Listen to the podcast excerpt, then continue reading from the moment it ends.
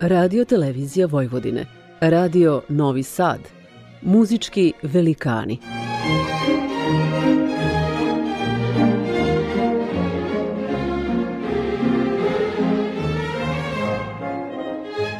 Urednik i voditelj Bogdan Đorđević.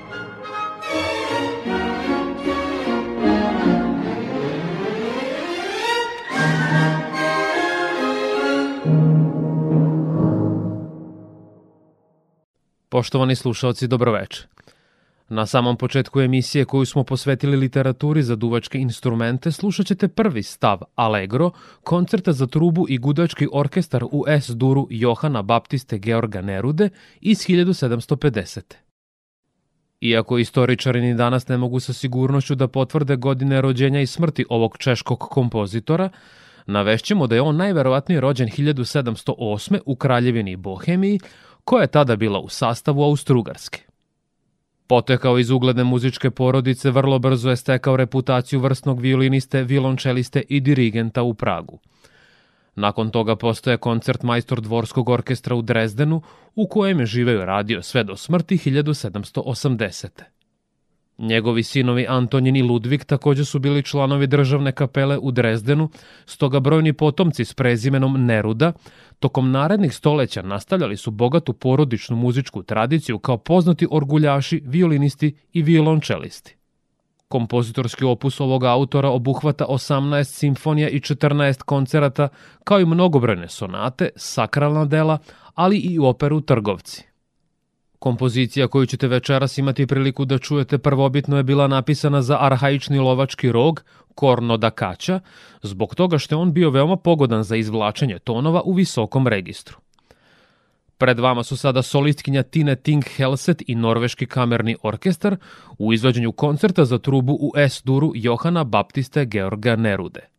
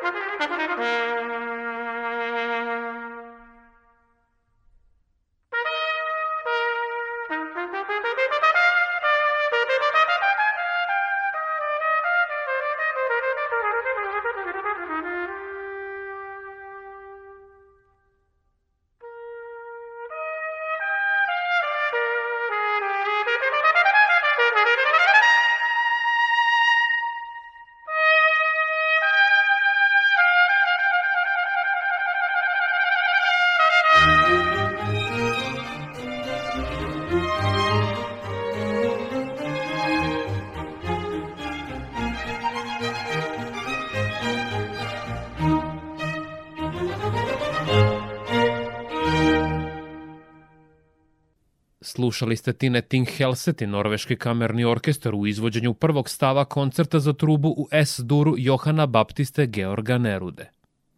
Rukopis ovog veoma interesantnog dela danas se nalazi u Nacionalnoj biblioteci u Pragu, zajedno sa još nekoliko vrlo neobičnih nerudinih kompozicija napisanih za duvačke instrumente.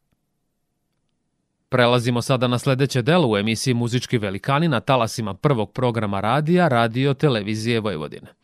Slušat ćete prvi stav Allegro Maestoso koncerta za flautu i orkestar u G duru Wolfganga Amadeusa Mozarta iz 1778.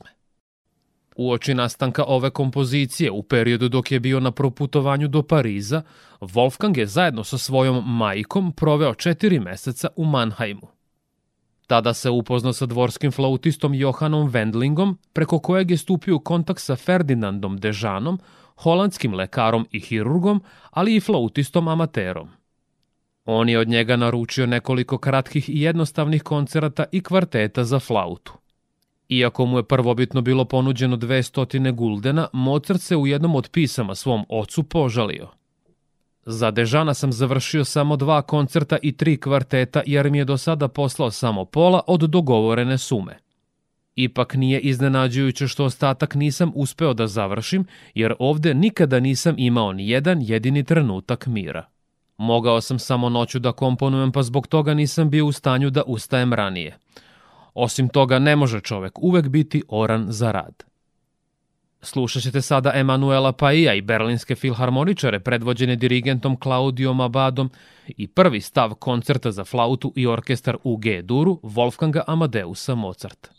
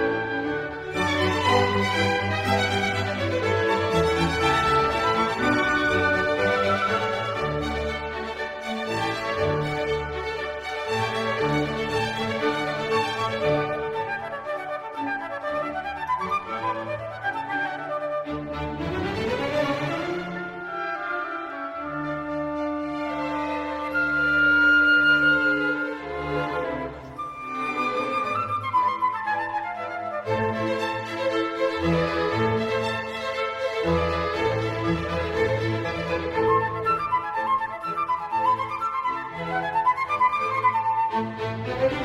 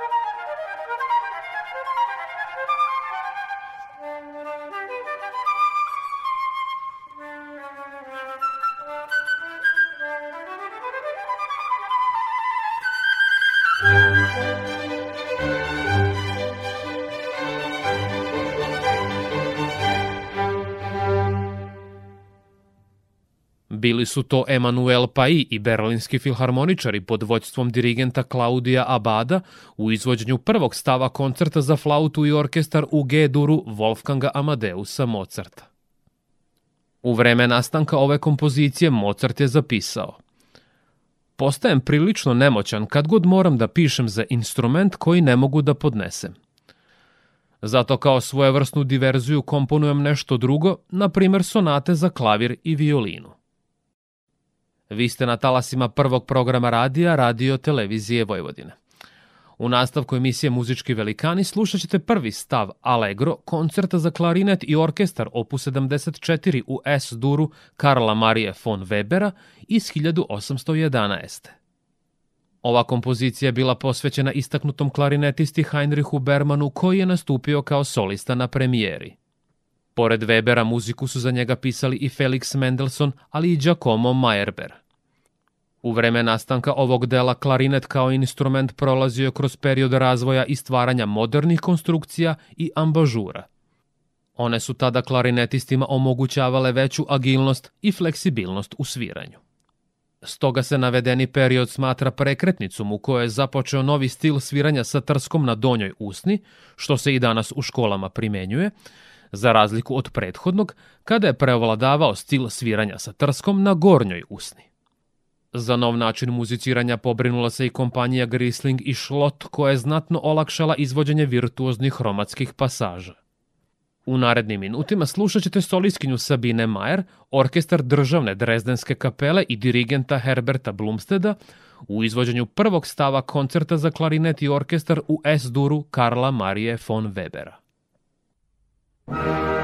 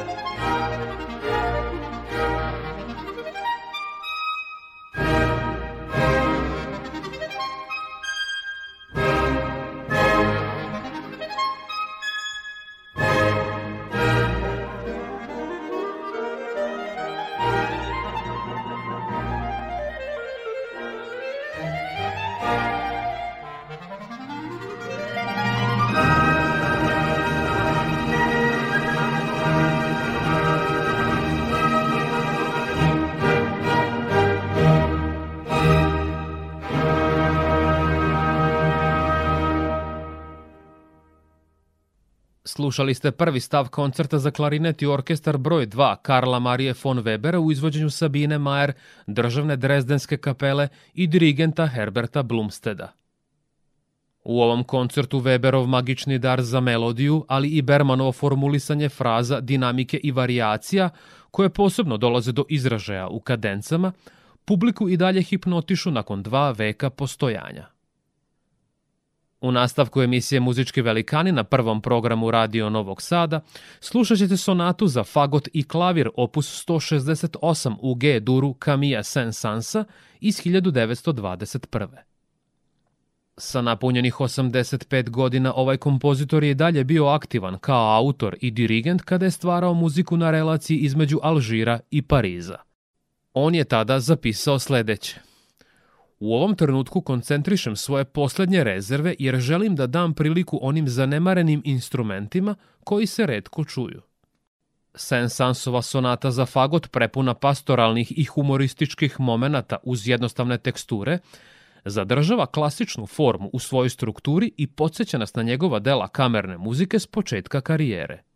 Uvodni stav, allegro moderato, izrazito šarmantnog habitusa, kreće se između dura i mola, dovodeći nas do vrhunca u svom razvojnom delu koji nije previše dramatičan. Drugi stav, Allegro scherzando, prepun je života i energije kako u lirskim, tako i u virtuoznim partijama. Završni stav, molto adagio, allegro moderato, sadrži raskošnu melodiju koja kao da lebdi iznad krajnje uprošćene akordske pratnje, dok nas vodi ka svom uzbudljivom završetku. Pred vama su sada fagotista Moris Alar i pijaniskinja Ani Darko.